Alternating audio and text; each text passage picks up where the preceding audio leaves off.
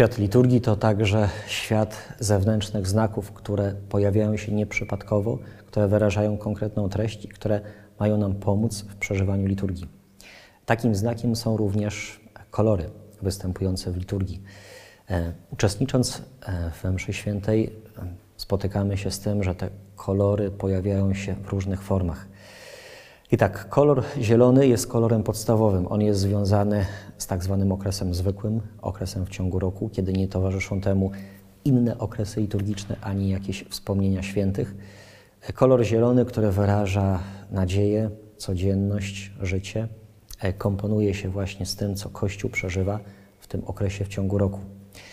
W momencie, kiedy mają miejsce święta, uroczystości dotyczące Chrystusa Pana, Najświętszej Maryi Panny, e, także wtedy, kiedy wspomina się świętych oraz w okresie Narodzenia Pańskiego okresie wielkanocnym e, pojawia się kolor biały, który oznacza świętowanie, e, bardzo dobrze koresponduje właśnie z tymi dwoma najważniejszymi uroczystościami, z Bożym Narodzeniem i z Paschą, z Wielkanocą. W liturgii spotykamy też kolor fioletowy, który jest obecny w okresie Adwentu i w okresie Wielkiego Postu. Fiolet symbolizuje pewną zadumę, refleksję, jakieś wyciszenie.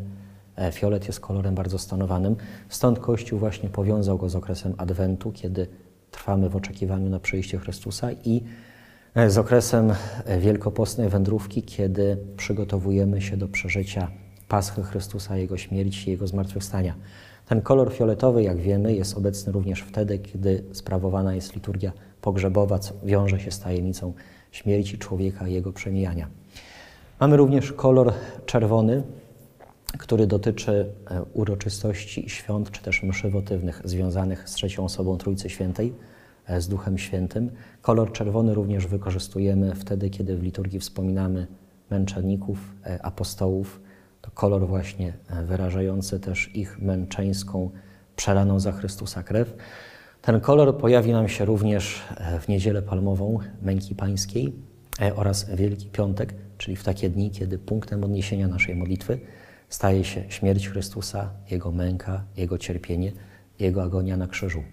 W liturgii, co ciekawe, pojawia się jeszcze kolor różowy, który występuje dwa razy w ciągu roku. To trzecia niedziela Adwentu czwarta niedziela Wielkiego Postu. Ten kolor różowy ma niejako przebić smutek i zadumę fioletu, ma wskazać bliską już perspektywę pojawiającej się uroczystości. I tak w trzecią niedzielę Adwentu, nazywaną Gaudetę, cieszcie się, Kościół chce nam pokazać, że narodzenie Pańskie, że przyjście Jezusa jest już blisko, a z kolei czwarta niedziela Wielkiego Postu, nazywana od łacińskich słów antyfony letare, radować się, wskazuje na to, że oto już połowa Wielkiego Postu, oto zbliża się Pascha Chrystusa, jesteśmy już blisko najważniejszych świąt wielkanocnych. Ten róż to taki mocny akord, w który Kościół w liturgii uderza, po to, żeby nas uwrażliwić na perspektywę bliskiego święta.